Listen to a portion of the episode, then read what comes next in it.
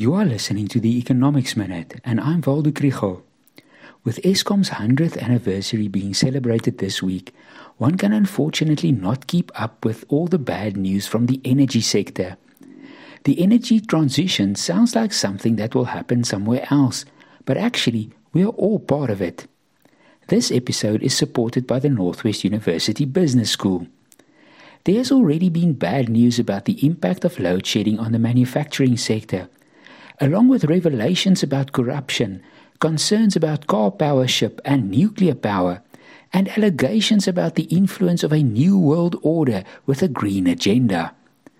Most of this is quite discouraging, but maybe it helps if you realize that the energy transition is coming, equitable or not. One reason is simply the age of most of Eskom's coal fired power stations.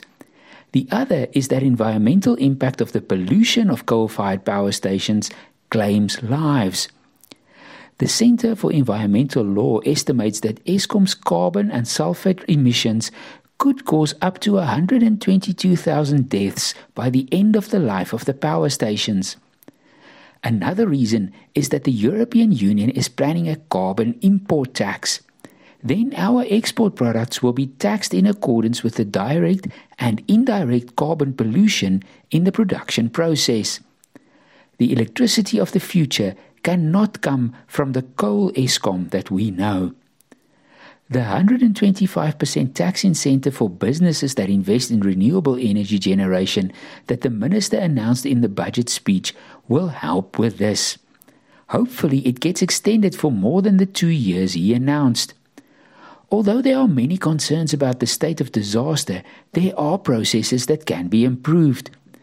To start a solar farm currently requires the plans to be approved by the Department of Minerals and Energy, which looks after the mineral rights, and it requires a water use license. SANRAL, the SA Weather Service, and the Civil Aviation Authority must also sign off. There must be a better way. The seriousness of the crisis is clear and the solutions are expensive. But rather than asking now to be exempted from load shedding, businesses must make the leap into the future.